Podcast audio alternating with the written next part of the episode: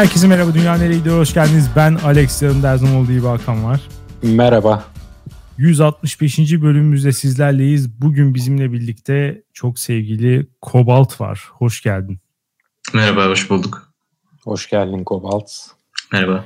Ya öncelikle e, bilmeyenler için kısa bir hem Kobalt'ı tanıtıcı bir giriş yapalım. Kendisi e, mimarlık son sınıf öğrencisi yanılmıyorsam değil mi? Evet, öyle. Öncelikle bir tüm mimarlar adına özür dileyerek başlam başlamanı istiyorum. Türk halkından. Son yaşadığımız depremin üstüne. Evet. Onun için çıkarttık seni buraya. ben, hedef ben miyim?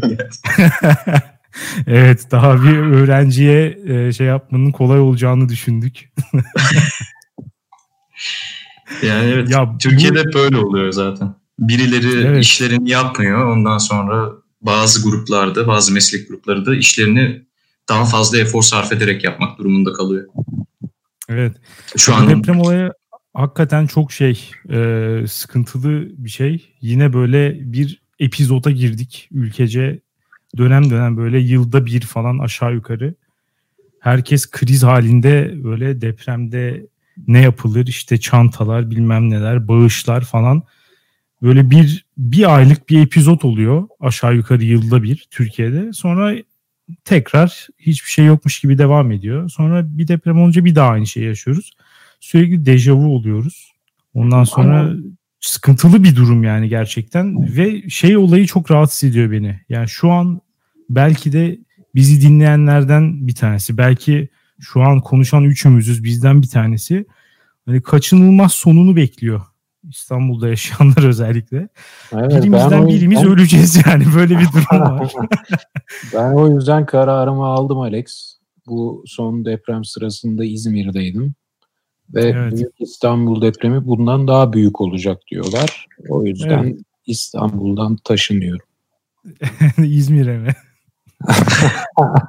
Nereye giderim bilmiyorum artık. Onun için bir Kandilli Rasathanesi'ne danışmam gerekebilir. En az risk nerede diye. Ama e, ya bunun fazlasını benim bünyem kaldırmaz. Evet, Bina evet. kaldırsa benim bünyem kaldırmaz. Fena sallıyor. Hakikaten geçmiş olsun yani sana da İzmir'de olan herkese falan. Yaşaması zor bir şey ya deprem yani hiçbir zarar görmesen bile bayağı sıkıntılı. Şey psikolojik zarar görüyorsun çünkü o zaman da o da iyi değil. Elazığ depremi de böyle geçmişti. Böyle derken? Yani süreç olarak aynıydı çünkü nasıl diyeyim Elazığ depreminde ben burada değildim ailem buradaydı. Ee, ama ondan sonra döndüm ve arç, artçıların bir kısmına tanıklık ettim. Ee, artçılara ailemin verdiği tepki artçıların bana verdiği etkiden daha çoktu. Çünkü evet. artık insanlar inanılmaz paranoyak davranmaya başlıyor. Yani mesela ufak bir avize sallanmasında aşırı bir panik hali. Ya sürekli böyle geçti hakikaten birkaç ay. Yani İzmir'de de muhtemelen öyle olacaktır. Çok geçmiş olsun gerçekten. Evet bayağı can sıkıcı ama herhalde yani hiçbir şey yapılmamasından anladığım benim yapılacak bir şey yok bu konuda. Şimdi bu kadar fazla aynı şey yaşanamaz yani üst üste benim çok ilginç geliyor bana.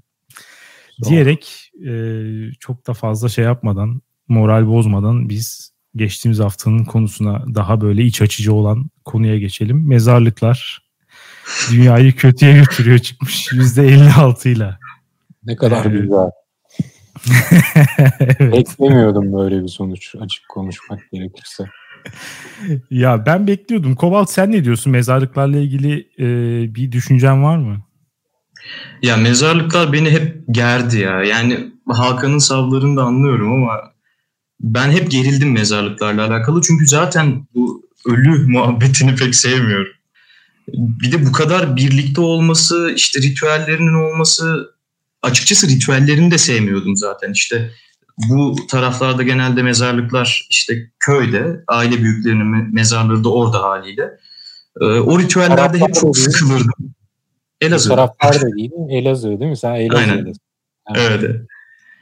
Ee, yani o kısmı da sıkıcıydı. Bir de küçüklüğümüzden beri böyle işte filmlerle, dizilerle falan filan sürekli mezarlıkların korkutucu olduğu, zerre inanmasan da seni biraz gerer ya bu durum. Böyle orada canlı kimsenin olmadığı, ölülerin yattığı toprağın altında falan. Bu evet. yüzden hiç hiç ısınamadım ya. Yani o işte Avrupa'yı işte yolu mezarlıktan geçiyor falan okula mezarlıktan geçerek gidiyor ya da bahçesinde babaannesinin ölüsü var falan.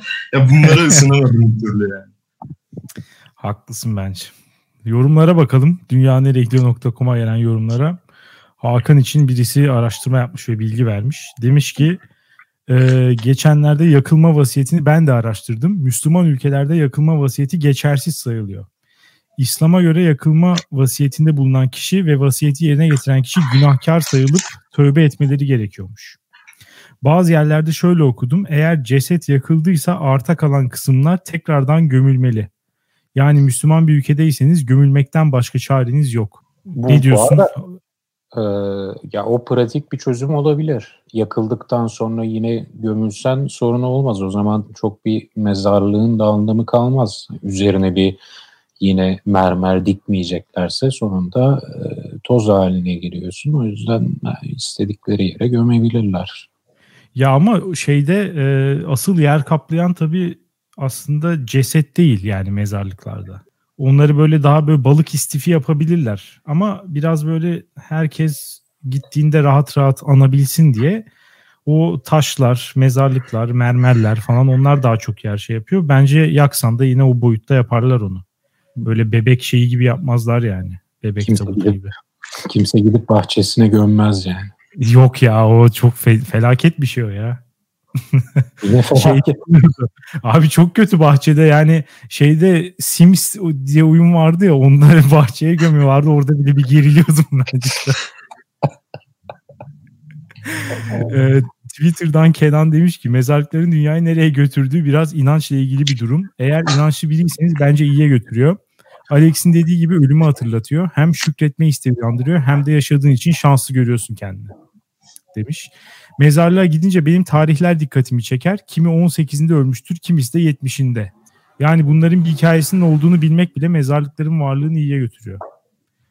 Demiş. Hakan da Müslüman bir ülkede yaşadığını bilmiyormuş gibi yakılmaktan bahsediyor. Öyle bir hevesi varsa bunu aklından çıkarsın.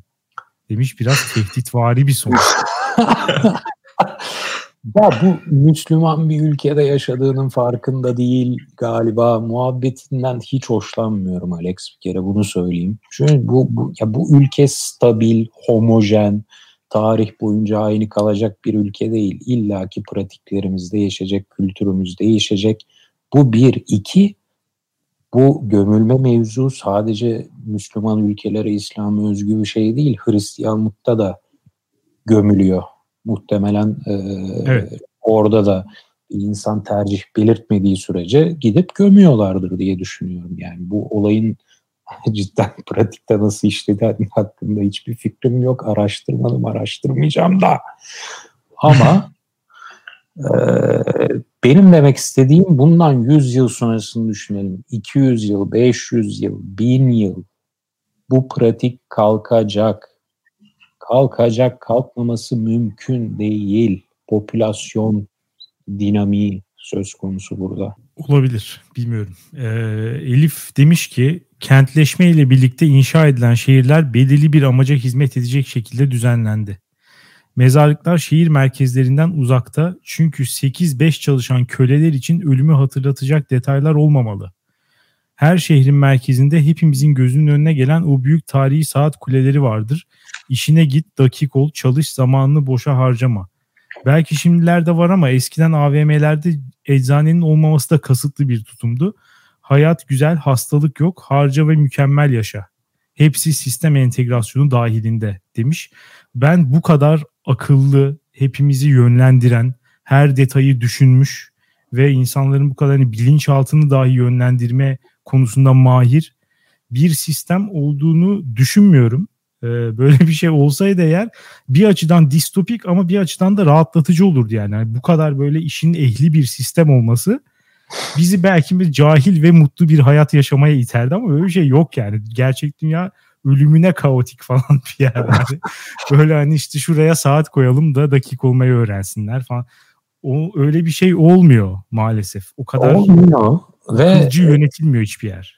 Ve yahu Alex aynı argümanı ben ilk yorumcunun üzerinden de şöyle kurabilirim. 8-5 çalışanlar mezarlıkların arasından geçsin ki şükür duyguları gelişsin. Dolayısıyla işlerinden memnuniyetsiz olsalar bile hallerine şükretsinler, aza tamah etsinler diye mezarlıklar tam iş merkezlerinin göbeğinde. Yani bu argümanla mantıklı. Bu yorumcunun argümanı da mantıklı. Yani olaya böyle bir sistem sistem bunu bize şey yapıyor. Gözüyle baktıkça her yönden argüman geçirebilirsin. Ya evet. biz bir de neden böyle ölümü hatırlatma ihtiyacı duyuyoruz ki sanki zaten hayatımızdan çok uzaktaymış gibi, sanki hiç haberlerini duymuyoruzmuş gibi. Bir de mezarlık mı çok büyük etkiliyor? Sanki zaten hayatımızın her yerinde ölüm. Yani işte her haberde ölüm var zaten. Bir mezarlık buna ne kadar artı sağlayabilir ki? Ya da sağlayacağı artıya ihtiyacımız var mı? Ee, her mezarlık değil ama zincirli kuyu mezarlığı bana hiçbir yani bugün koronadan 5 milyon kişi öldü bir günde. Deseler bile ölümü o yazı kadar bana hissettiremez. ben bir süre sonra görmezden geliyorum ya. İçin sadece metrobüs durağı yani. Demiyorum. Tabiri caizse can alıcı bir yazı. Abi kesinlikle ya. Ya oradaki tadıcaktır kelimesini kim seçtiyse yani ya gerçekten helal olsun. İnanılmaz bir şey. Akıldan çıkmıyor o kelime seçimi. Allah seçti muhtemelen o kelimeyi o zaman kendisini tebrik ediyoruz. bir sonraki yorum Denok 266 demiş ki mezarlıklar bence dünyayı kötüye götürüyor. Çünkü vefat eden yakının orada olduğunu bilince ve düzenli olarak ziyaret etmeyince sanki bir sorumluluğumuzu yerine getirmemişiz hissi yaşıyoruz. Ölen birinin kalanlara sorumluluk bırakması çok kötü bence. Mesela ben öldükten sonra yakınlarıma bir sorumluluk yükleyerek onları huzursuz etmek istemem demiş. Çok endirekt ya. Bilmiyorum yani o kadar kim şey yaşıyor bu kadar sorumluluk yani gitmezsen de gitmezsin. İnsan çok rahat kendini rahatlatabilir bence mezar ziyaretine gitmezse. Ya yani, öyle bir yorum ki e, yorumcu aşırı bencil mi yoksa aşırı bir e, sorumluluk duygusu sahibi diğerlerine karşı bir insan mı çözemedim. Evet çok gömülmüş ölmüş akrabasının ziyaretine gitmek hissi bile kendinde yük yaratıyor bu kadar bencil. Bir yandan da ben kimseye sorumluluk bırakmak istemiyorum. Önce egoist bir noktadan çıkıp oradan empati yaparak şey yapmış. Telafi etmiş. ee, Zeni demiş ki bölümü büyük bir heyecanla dinlemeye başladım ama aşırı sinir bozucuydu. Mezarlık bu dünyadaki en mükemmel saçmalık. Alex mezarlığa girince kötü hissetmene gerek yok. Mezarlığın tadını çıkar. Özellikle sonbaharda mezarlık ayrı güzel. Biraz atıştırmalıkla birlikte mezarlığa git kafanı dinle. Okulumun karşısında eski bir mezarlık var. Öğlen arası orada takılmak mükemmel. İlk zamanlar tek başıma yemeğimi yanıma alarak mezarlığa giderdim. Ölülerin yaşlarını hesaplar, ölüm tarihi yazmayan bebek ve çocuk mezarlarının boyutuna bakarak kaç yaşında öldüğünü tahmin eder, çam ağaçlarından düşen kozalaklarla oynar vakit geçirirdim. 3 yıldır her öğlen gitmeye devam ediyorum. Orada çok takılınca bir şeyler fark ettim mezarlık ziyaretlerinin çoğu insan için sadece zorunluluktan ibaret olmaya başlamış. Bu arada ölüm kalanlara üzüntüden çok masraf getiriyor. Taziye yetmezmiş gibi bir de mezarla uğraşıyoruz. Mezar taşı falan neyse ama gömülünce görünmeyen kefenler arasında bile kalite farkı varmış. Halam nenem için 550 lira kefen almıştı. Bu fiyatı duyunca ağlamaktan algıların tıkanmış kazıklanıyorsun dedim ve ailem tarafından kalpsiz ilan edildim. Mesele kalpsizlik değil, fakirlik. Ceset için bu kadar masrafa gerek yok. Yanalım küllerimizin üstüne sifon çeksinler. Demiş. Ee, ya özellikle ilk bölümünü yorumun okuyunca böyle şey gibi düşündüm. Böyle gotik gruplar vardır ya böyle suratları boyayıp mezarlıkta klip çekerler falan. Öyle birisi mi acaba dedim. Şimdi bu kadar fazla mezarlığı sevmek e, sadece bana mı garip geldi ya? Orada hani atıştırmalık alıp mezar taşlarını izlemek falan. Ne diyorsun? İlginç, ilginç, çok ilginç bir yorumdu. Hala etkisi altındayım. Ee, her neyse demiş ki ah Alex ah beni bir bataklığa ittin. Her neyse bataklığına. Karşımdaki insanı dinledikten sonra kendi cümleme başlamadan önce yapıştırıyorum bir her neyse. İnanılmaz berbat bir durum. Zira karşımdaki kişi için senin söylediklerin çöp. Sen bir de beni dinle diyorum resmen. İnsanların bakışı bir değişiyor. Öyle bir kelime ki söyledikten sonra geri almak adeta sıvamak oluyor. Artık sürekli beraber çalıştığım arkadaşlara sürekli dinlediğim bir programda geçişlerde her neyse diyorlar. Ondan dilime dolandı. Gibi bayağı üfürükten bir açıklama yaptım. Yaktın beni. Demiş. Ee, özür dilemen gerekiyor diye düşünüyorum Alex. Ya diliyorum evet. Bu kelimeyi bu kadar kullandığımın da farkında değildim açıkçası. Yani bilmeden yaptığım için e, arkadaşlardan özür diliyorum ve her neyse diyerek bu haftanın konusuna geçmek istiyorum. Kobalt lütfen bize bu hafta ne konuşacağımızı söyler misin? Bu hafta şunu konuşalım dedim. Meslek yüceltme ve meslekleri kıyaslama. Ben cidden artık çok çok sıkıldım. Yani buna maruz kalmaktan aşırı sıkıldım. Hem arkadaş çevrem hem zaten meslek her insanın sahip olduğu bir şey olduğu için tüm insanlar yapıyor bunu. Ve zaten daha ilk cümlelerimde hangi iki meslekten bahsedeceğimi çok net anlamışsınızdır. Ee, ama artık gerçekten benim için dayanılmaz bir hal aldı ve sizin de fikirlerinizi merak ediyorum. Ben bir tahmin yapabilir miyim hangi iki meslek? %95 ihtimalle tutturacaksın. Evet. Avukatlar ve doktorlar. Evet. Yani sadece onlar üzerinden gitmeyeceğim. Çünkü bu yani her her meslek yapıyor bunu artık. Yani işte artık Fırat Üniversitesi su ürünleri mezunu da yapıyor bunu. O da kendini doktorlara kanıtlamak için yapıyor. Ben bu kadar ezik biri değilim falan tribine giriyor. O da mesleğini yüceltiyor. Herkes mesleğini yüceltiyor. Tam bir kaos ortamı. Hepimiz vazgeçilmeziz gibi bir ortam. Evet. Ama ben daha ziyade şunu düşünüyorum. Yani meslek seçiminde bu yücelik düşünülmüyor pek. O yüzden biraz daha geriden alıp öğrencilikten başlarsak önce zaten bölüm kıyaslamalarıyla başlıyor bu. Bir, bir zorluk skalasına oturtuluyor tüm bölümler. İşte benim bölümüm şöyle zor. Senin ya bu muhabbet artık inanılmaz baydı beni. Çünkü herkesten aynı cevabı alırsınız. Benim bölümümde şöyle zor falan diye. İşte evet. tıpçıları bilirsiniz şey falan yaparlar böyle gerçi kendilerine tıpçı demek çok çok hoşlandıkları bir şey olmayabilir. Hekim adayları diyeyim. Ee, böyle notlarını yığıp üstüne oturup işte sadece iki haftam kaldı. Hukukçular hepsi daha ikinci sınıftan anayasa profesörü gibi davranmaları. İşte mimarların sabahlam sabahlamalarıyla ağlamaları. Ben artık gerçekten çok sıkıldım. Her bölüm bunu yapıyor. İşte bilgisayar mühendisleri ayrı bir yerden kendilerini böyle hepsi sanki cyborg yapacak. Çok çok hepsi vizyonermiş gibi davranıyorlar. Ama bölüm seçerken bu böyle olmuyor aslında. Annen diyor ki sana tıp uzun diyor. Sen de tıpa gidiyorsun. Böyle oluyor genelde. En azından bu kesimlerde öyle oluyor. Ailenin e, nasıl diyeyim etkisi çok yüksek öğrencilerin bölüm seçiminde. Ya ya evet, da daha ama... da fenası tutturduğun puan ya. Yani ne ne kadarlık bir puan yaptı. Nereye girebiliyorsun o puanla en yüksek? Genelde benim gördüğüm insanlar puanından bir önceki seneye bakıyor ya da sıralamasından. Ee, bu puanla ben şuraya girerim diyor ve orayı tercih ediyor. Yani veya şehir seçiyorsun. Tabii tabii. Sözünü yani Yok. E, dolayısıyla dediğin gibi çok böyle hani idealist yaklaşıp mesela şunu ben çok fazla insanda görmedim. E, belli bir puan yapıyor ama onun 30 puan altındaki bölümü yazıyor mesela. Çok az gördüm. Genelde böyle aman heba olmasın.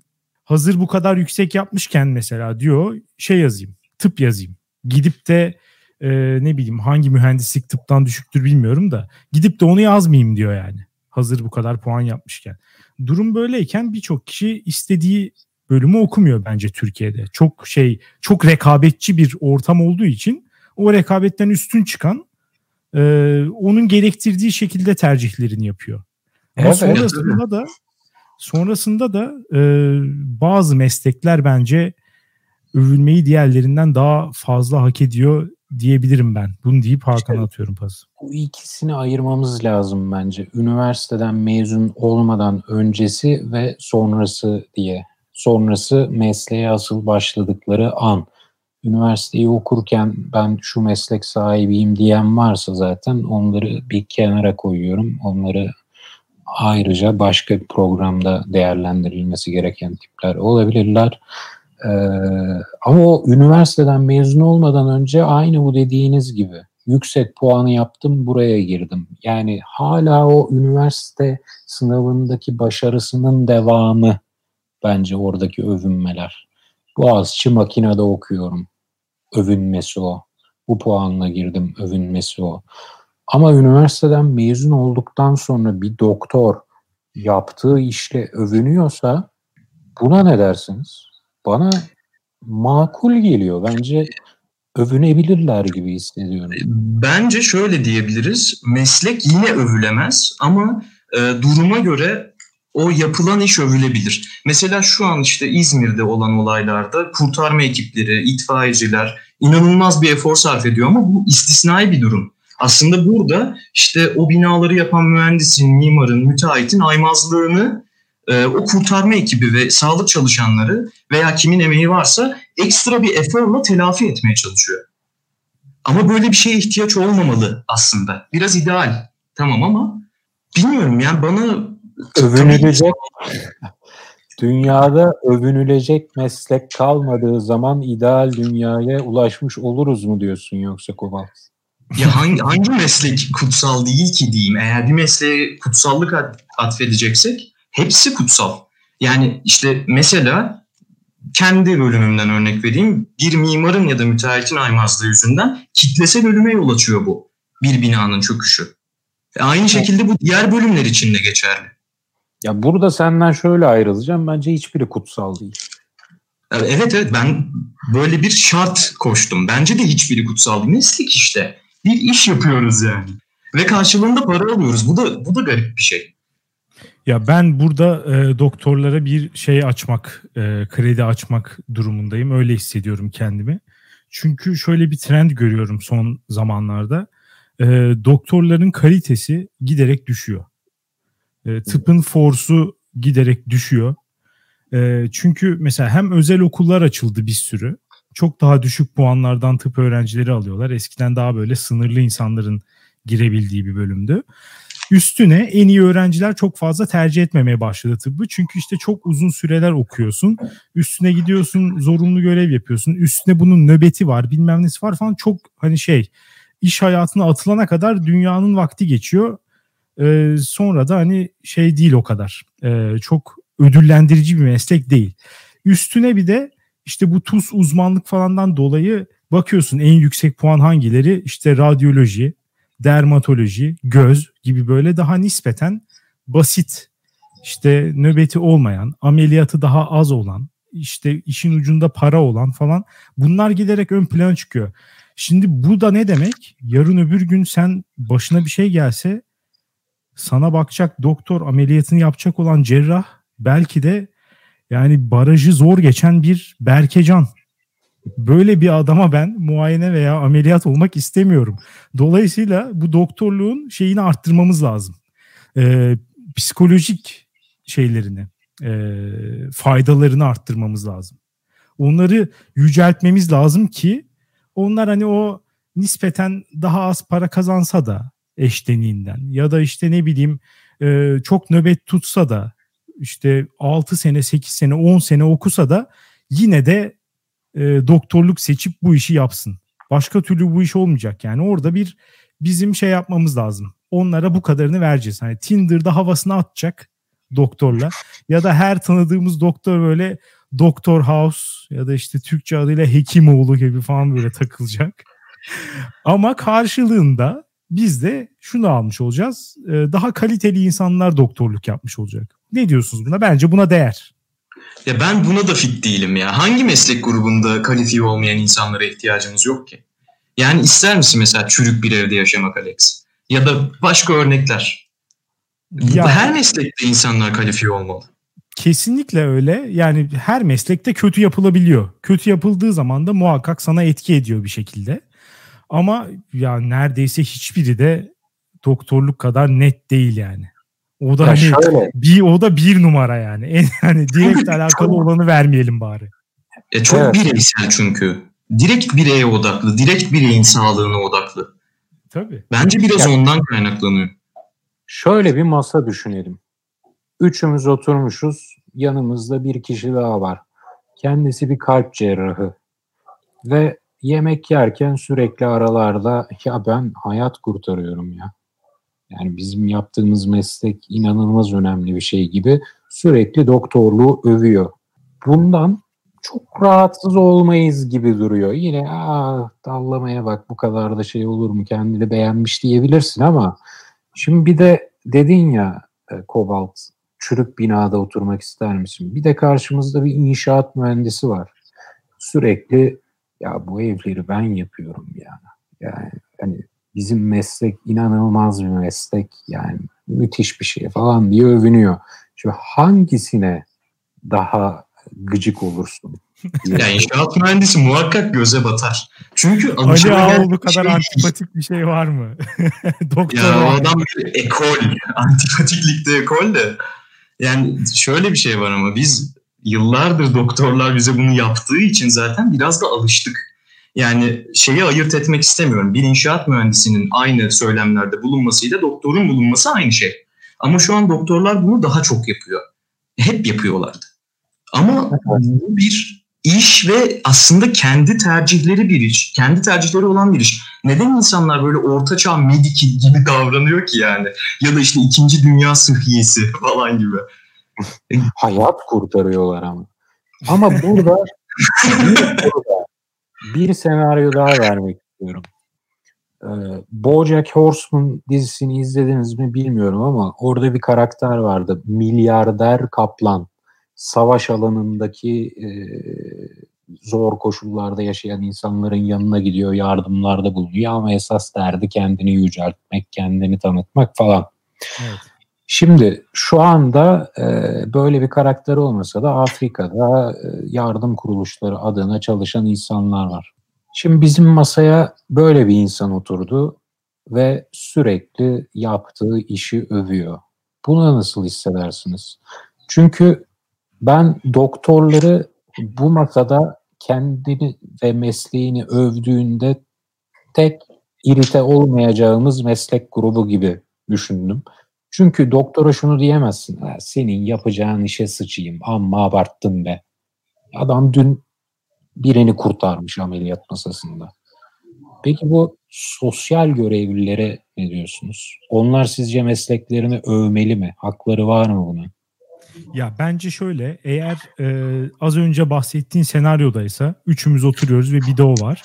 Kendini övüyorsa ben siktir çekerim açıkçası. Ama işte bir Twitter ya da Instagram hesabı açıp böyle 100 bin kişiye yaptığı iyilikleri ballandırarak anlatıyorsa o biraz daha makul, daha şovmen bir hareket olmasına rağmen daha makul. Çünkü en azından sosyal bir etkisi var. İnsanları belki e, kendi yaptığı şeye kanalize etmeye etkisi var ama abi üçümüzü le otururken orada bir ego tatmini olduğu ya, ya sadece bir ego tatmini olduğu iyice belli oluyor. Ya neden kendini övmüyor ki sonunda. Mesleğini işte orada küçük çocuklar aç bilaç onlara yardım ediyoruz. Bu çok güzel bir his yaratıyor bende falan gibi şeyler. Hani bu mesleği övüyor.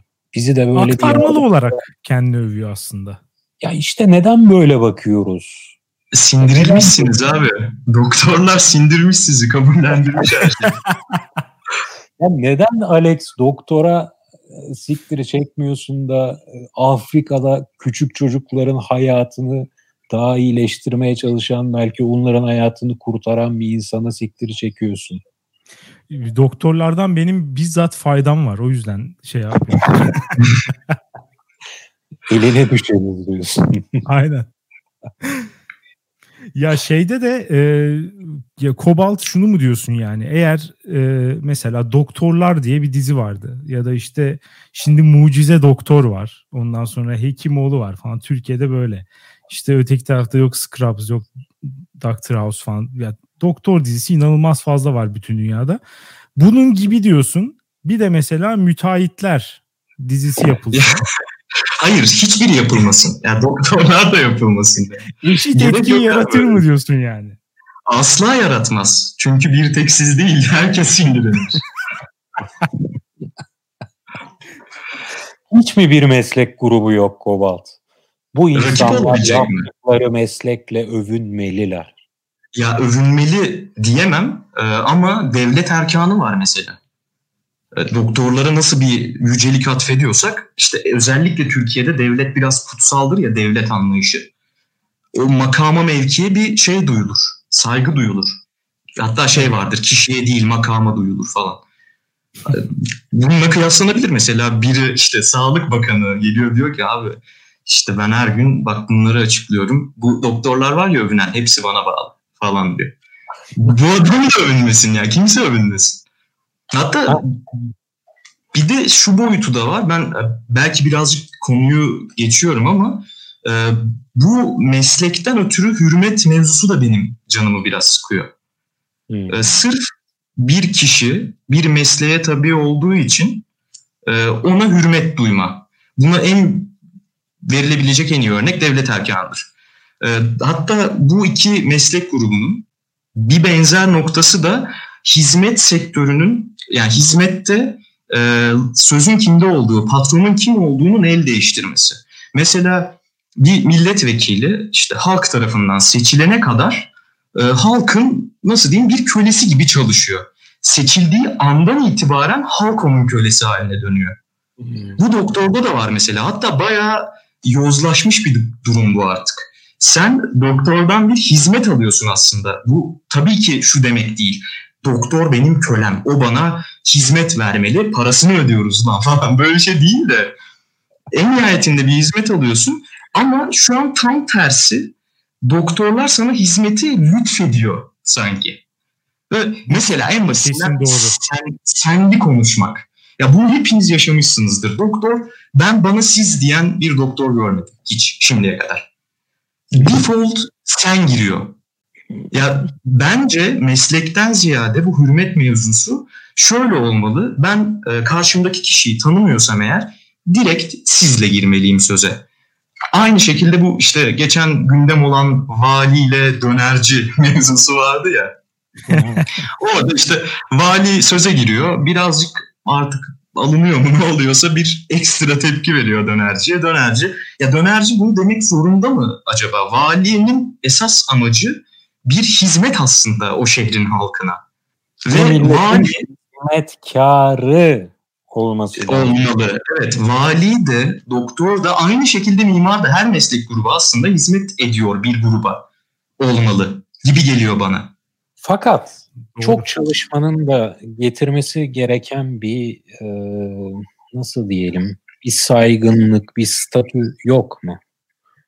Sonunda profesör oluyorsa bir insan, o noktaya kadar çalışmışsa veya dünyanın en iyi cerrahları arasına giriyorsa, biraz da bu başarıları teşvik etmek için bu tarz e, mesleğinde başarılı insanlara hürmet göstermek gerekmez mi? O ama Bence daha gerekir. bir başarı ya. Mesleğin tamamını evet. yüceltmiş olmuyorsun yani öyle yapınca. Doğru. Ben kafamda şöyle düşünmüştüm bunu. Rütbe yüceltmek değil de meslek yüceltmek. Yani burada meslek yine doktorluk. O profsa da uzmansa da e, yine operatörse de yine doktor. Ama rütbe ayrı bir şey. Yani mesela şeye girmek istemiyorum o yüzden. Çalışan patron ilişkisi. Bu konuda yorum yapmak istemiyorum. Esas olay meslek yüceltmek. Yani meslek versus meslek ya da meslek versus vatandaş. Ben açık Ama konuşayım. Bu konuyu getireceğini duyduğumda e, şöyle düşünmüştüm. Şimdi insanlığın tabii ki yuvarlak bir rakam veriyorum. Yüzde doksanı e, boş beleş iş yapıyor. Buna Alex ve ben de dahiliz. Yani hiçbir e, uzmanlık tabiri caizse gerektirmeyen ama bir yüzde onluk kısım var ki zaten programın başından beri bunları konuşuyoruz. Avukatlık, doktorluk, mühendislik gibi. Bunlardan, e, bunların övünmesinden bahsedeceksin sanıyordum. Bunların övünmesine karşı çıkman beni biraz şaşırttı. Çünkü diğer kısım da övüyor kendini. Ben esas onlara gömeceksin sandım. Sıradan bir iş yapıyor. Bir ayda yeri alınabilir yani öyle avukat, doktor gibi senelerini falan verip şeye de yapmamış. O insanlar da övüyorlar mesleğini. Herkes böyle vazgeçilmez sanıyor. Ben onları Muhakkak görmüşsünüzdür. Sen çok daha yüksekten gömmeye başlayacakmışsın. Tebrik ederim. ya bu arada burada bence e, Hakan'ın söylediğinde şöyle bir ayrım da yapmamız lazım. Bu e, az önce mesela ayrım yaptın ya işte bazı insanlar daha işte e, niş işler yapıyor, daha değerli işler yapıyor. Diğerleri biraz daha böyle hani mesleksiz falan. Burada resmen bir şey var. E, korsan bir ekip var. Bence kendilerini değerli mesleklerin içine acayip haksız bir şekilde atmış bir meslek grubu var. O da avukatlar kesinlikle. Hmm. Yani avukatlar konumunu en az hak eden ekip. Bence açık ara. Açık ara yani. Ya çünkü şöyle bir durum var. Ee, girmek çok zor hukuk bölümlerine. Genelde işte eğer eşit ağırlık öğrencisiysen girdiğin üniversitenin en yüksek puanlı bölümü hukuk bölümleri oluyor. Demek ki sen e, iyi bir öğrenciymişsin. Yani işte çalışkanmışsın, zekiymişsin bilmem ne. Ama girdikten sonra bitirmesi kolay. Bitirdikten sonra avukatlık yapmak çok kolay. Yani bu insanlar gidip bürolarda çalışıyor. Ee, çoğu işte özel hukuk işleri ve açıkçası diğer iktisadi idari bilimler işlerinden hiçbir farkı yok. Masa başı beyaz yaka çalışan. Ama konum olarak bakıyorsun ya sanki şey asıl onların dizileri falan inanılmaz. Bu Amerikan etkisi nedir? Yani Aynen burada... onu diyecektim. Bu olay tamamen Amerikan kültürünün etkisinden geliyor ve... Burada niye var ama o zaman? O çok saçma değil mi? Onları izliyoruz çünkü. ya. Ama ya Amerika'daki... O, o yapılmıyor. Amerika'daki avukatlar için bunu der misin? Ya dizide filmde izleyince Yahu kendinle övün be kardeşim diyorsun. Çünkü sanarsın 100 yıllık çözülememiş matematik problemini çözer gibi bir davaya bakıyor ve öyle bir açı yakalıyor ki falan. Bir Bu arada ar- onlar da sadece şey e, ceza hukuku avukatları. Onunla uğraşanlar. Yani yüzde olarak ciddi küçük. Hatta en başarılı avukatlar genelde o işi yapmıyor. Parası nispeten daha az diye. Daha çok hani özel hukuk, şirketler. Yani adam gidip bir tane şirketin ayak işlerini yapıyor yani. Aslında o şirkette çalışmaktan çok da bir farkı yok. Diğer bölümlerden. Finans bölümünde çalışmaktan hiçbir farkı yok aslında nitelik olarak. Ama baktığın zaman biri avukat. Öbürü finansçı. Finansçı nasıl övsün kendini? Yani o rezil bir durumda. o yüzden orada bir şey görüyorum ben. Hakikaten e, korsan bir şekilde listelere girmiş e o isimlerinin başına av ekleyerek e, bizi şey yapmaya çalışıyorlar. ikna etmeye çalışıyorlar çok değerli olduklarına. Evet bir de bu var ya. Yani daha tıp öğrencisi 3. sınıfta okuyan kişiler falan şey yapıyor işte Instagram profilinin başına DR koyuyor. Ya abi dur ya dur. Daha 5-6'da intern olacaksın sen ya. Intern oluyor mesela. Hemşire ona doktor hanım dediği için deliriyor mutluluktan. Ya bir dur. O zaman doktor olunca çıldırırsın sen yani. Böyle bir şey olabilir mi abi? Ya ben ama şey konusunda katılmıyorum size ya. Yani niye bir İK kendini övemesin? O zaman doktor kendini övüyorsa ya da bir avukat bunu yapıyorsa. Tamam tabii ki bazı farklılıklar var ama en nihayetinde ben insanların e, meslek seçmekte bu kutsallığa inancını sorguluyorum biraz. Bence bu kadar da önemseyerek seçilmiyor bu meslekler. Doktorluk, doktorluk aşırı kutsal. Ben böyle bir meslek yapmak istiyorum. Böyle olmuyor genelde meslek seçimi. Hangi meslek olursa olsun. Bir şekilde kendilerini orada buluyorlar. En azından büyük bir kısım. Ondan sonra da kendilerini rahatlatmak, egolarını tatmin etmek için o kutsiyeti sahipleniyorlar. İşte doktor olduk artık. E neyim abi ben insan hayatı taşıyoruz burada kurtarıyoruz. O zaman servisçi falan da der bunu yani. Okul servisi de yapmaya başlar. Var mı mesela? Bana sorarsan kriter yerine birinin geçebilitesi diyelim. Ben bir doktorun yerine geçemem. Ben bir avukatın da yerine geçemem. Ben bir e, inşaat mühendisi diyeceğim de şimdi. Abi kaldı sadece şu an yerine geçebileceğin. ya bilemiyorum ya. Bilemiyorum. Ya bu arada avukatın yerine net bir şekilde geçersin bence. Bence yani, de bu arada Az önce öyle laf yani okumadım yani bir lisansım yok diye dedim. Yoksa ver e, bana. Tamam canım o da gelip senin şu an yaptığı işi yapsa bir alışma süreci olur muhakkak. Otur, Sen de onun işine gidince birazcık olur yani. Ama geçersin bence. Onda sıkıntı yok. Peki Kobalt sizin şu an okulda senin dönemin mesela çoğunluk mimarlığı övüyor mu? Ya evet o kendime de yapıştırmadan olmaz. Ee, benim bölümüm de bu arada iğrenç yani gerçekten. Onlar da ayrı bir model. Onlar da böyle şimdi mimarlık birkaç disipline hitap ettiği için da oralardan da beslenmen gerektiği için kendilerini çok entelektüel zannediyorlar. Bravo. O yüzden ya onların da problemi bu. Onlar da kendilerini ya diğer insanlar konuşunca ya hadi be siktir git aptal herif falan tribinde geziyorlar. Böyle bir şey konuşuyorsun herkes kendini o, o kısmın yetkilisi zannediyor. Kesinlikle mimarlarda bir şey var. Ee, sanki sanatçıymış gibi davranıyorlar. Böyle bir garip bir durum var bence. Ya sanatçılık da her şeyi eleştirme hakkını vermiyor ki sana yani. Karşıdakine saygı duymayı unutmuş gibi mimarlarda. Böyle çok işte entelektüeller, dilleri falan çok düzgün ya. Hukukta da var öyle bir lügatları var hukukun. Böyle bir şey dava falan izlediğinizde anlamazsınız yani.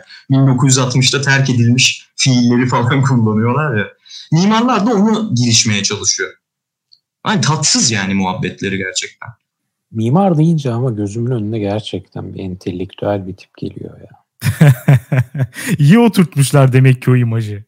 Ha, evet. Bir şey yaratıyor. Başka bir iyi oturtan bir grup da kısaca Kobalt söyledi ama biraz daha bence uzun konuşulmayı hak ediyor. Ee, bilgisayar mühendisleri.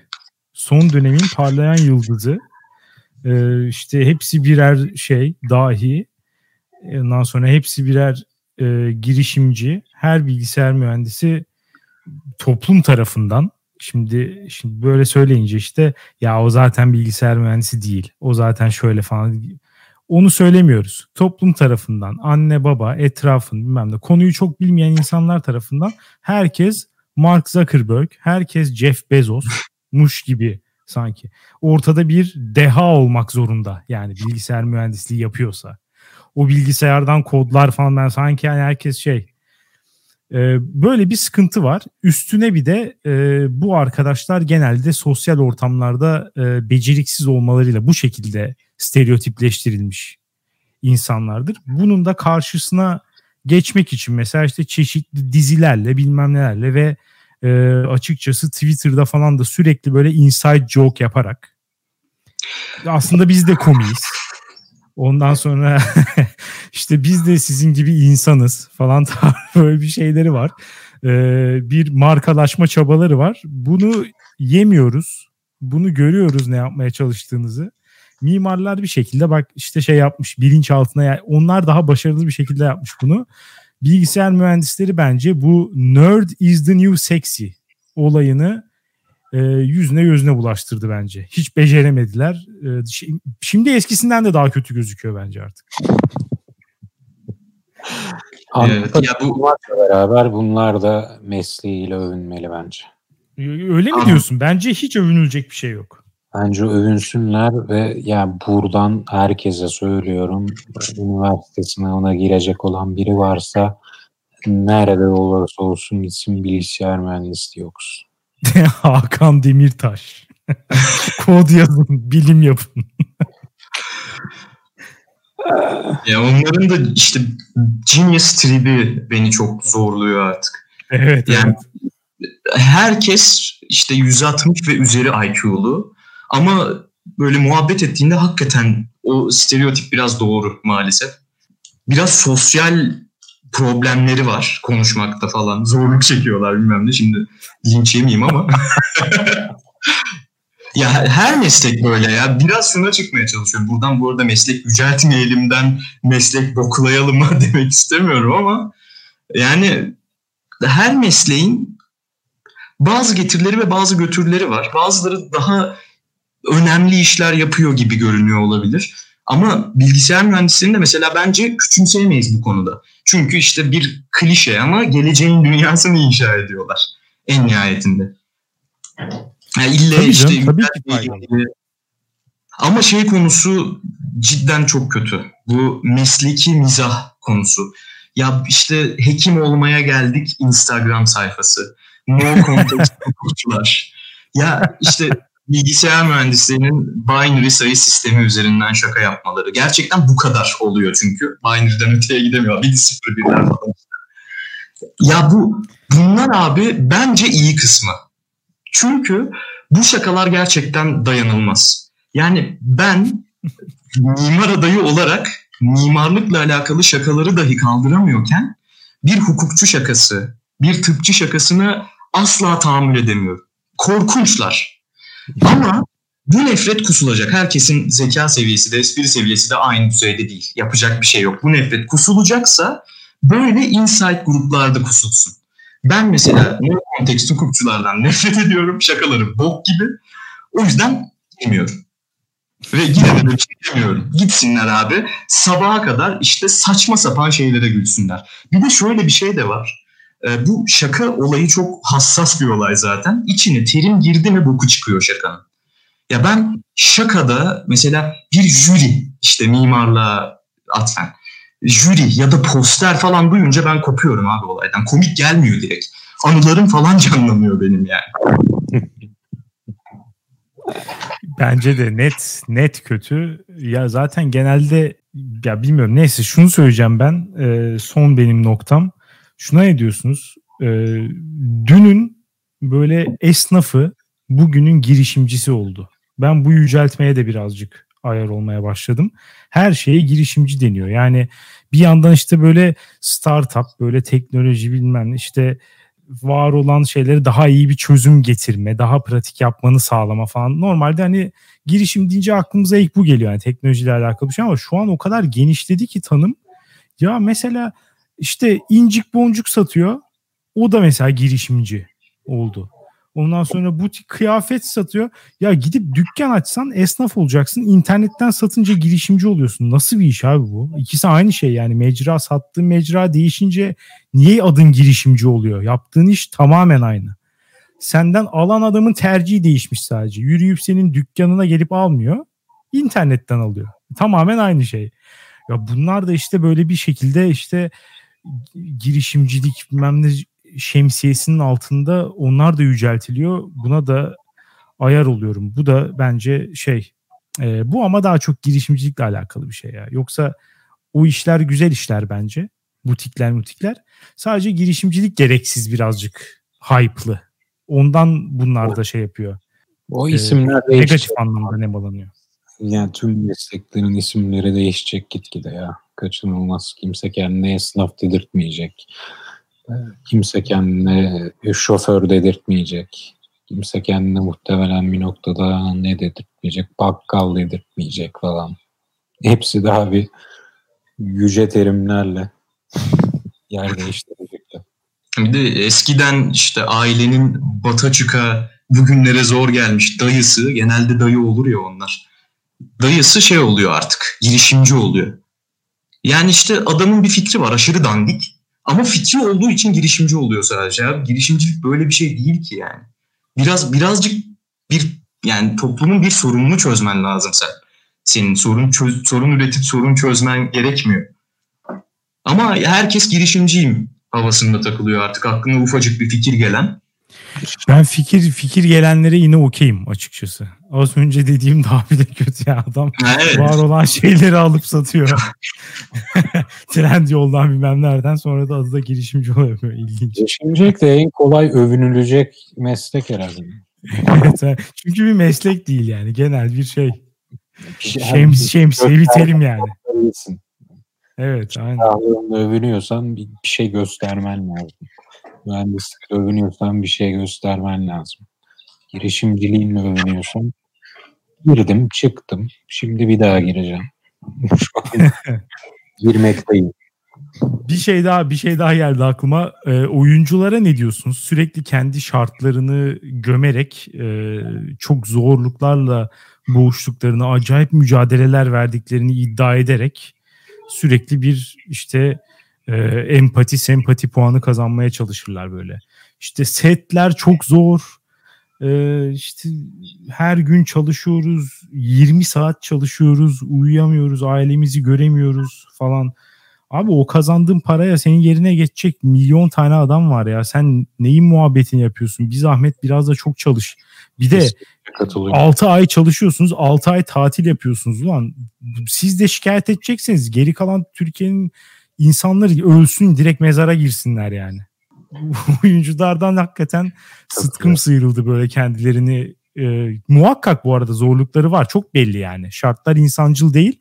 Ama abi kusura bakma da senle beraber o sette sen bölüm başı ne bileyim 30 bin lira alırken ayda 3 bin lira alan ışıkçı varken insan çıkıp bunu söylemeye de birazcık utanır. Öyle bir durum da var. Değil mi? Böyle bir garip hissedersin yani. Sen en azından çalıştığının karşılığını alıyorsun. Senle beraber aynı süre yani. Sen ne kadar oradaysan o da orada. O adam senin yüzde birin para alıyor. Onun sesi duyulmuyor. Sen çıkıp hala işte şöyle zor böyle zor işte ünlü demeyin bak biz de her gören fotoğraf çektirmek istiyor. Kolay değil bunlar falan gibi böyle garip açıklamalar yapıyorsun yani. Ve onları acayip ayarım. Ya empati kurmaya çalıştıklarında da aşırı falsolar zaten. Bu şeydi galiba Esra Erol mu ne demişti işte arabamda giderken minibüsteki yolcuları görünce içim çok kötü oluyor ağlamakta oluyorum falan diye. Ya, keşke kurmasaydın abi. ya keşke anlamasaydın halimizi ya. ya da şey Hulki Cevizoğlu'nun şey demesi gibi. Ee, bana elit istiyorlar ama ben gece kondulara şarap ve sucuk götürürdüm.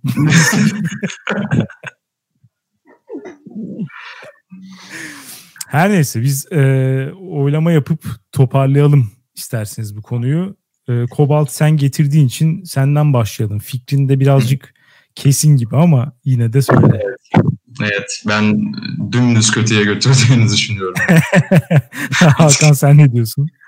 Ben iyiye götürüyor diyorum. İnsanları bir şeyle övüneceklerse yani Türklüğüyle, Müslümanlığıyla veya kendi özellikleriyle övünse bu sefer diyeceğiz ki kendini beğenmişe bak. Bir şeyle övüneceklerse meslekleriyle övünsünler diyor. Burada biraz provokasyon var ama ben şey demedim ki yani Türklüğünüzle övünün, mesleğinizle değil. Neyle övüneceğiz? İslam'ın bayraklarını taşıyın, doktorluğun değil falan demedim. Neyle övüneceğiz? Meslek var, millet var, din var, kişisel Bence Başka neyinle övüneceksin zaten? Kişi, kişiliğinle övünebilirsin ya bence. E, sana o zaman Ama değil. kendi içine daha çok. Çünkü dışarıya övünce o da bozuk. Evet kişi, kişiliğinin de boktan olduğu ortaya çıkar. Duymadın galiba. Kendi içinde övüneceksin. Sosyal çalışan Afrika'da küçük çocukları kurtarıyor dedim. E, ne yaptığını anlatırsa siktir çekerim dedi adam. öyle dördümüz oturuyorken anlatırsa öyle yaparım cidden. ee, ben de doktorları hariç bırakarak sadece doktorlara böyle bir şey veriyorum. Ee, paye veriyorum. Onlar çünkü birazcık şey orada bir kalite çöküşü yaşanacak bence yakın zamanda. Onun telafi edilmesi lazım bir şekilde. o yüzden onlar hariç ben de kötüye götürüyor diyorum. Kobalt çok teşekkür ederiz geldiğin için. Rica ederim. Ben teşekkür ederim. Çok teşekkürler.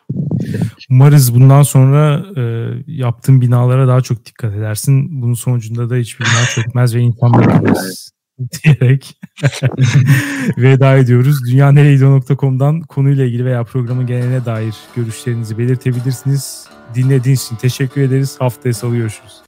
Güle güle. Hoşçakalın.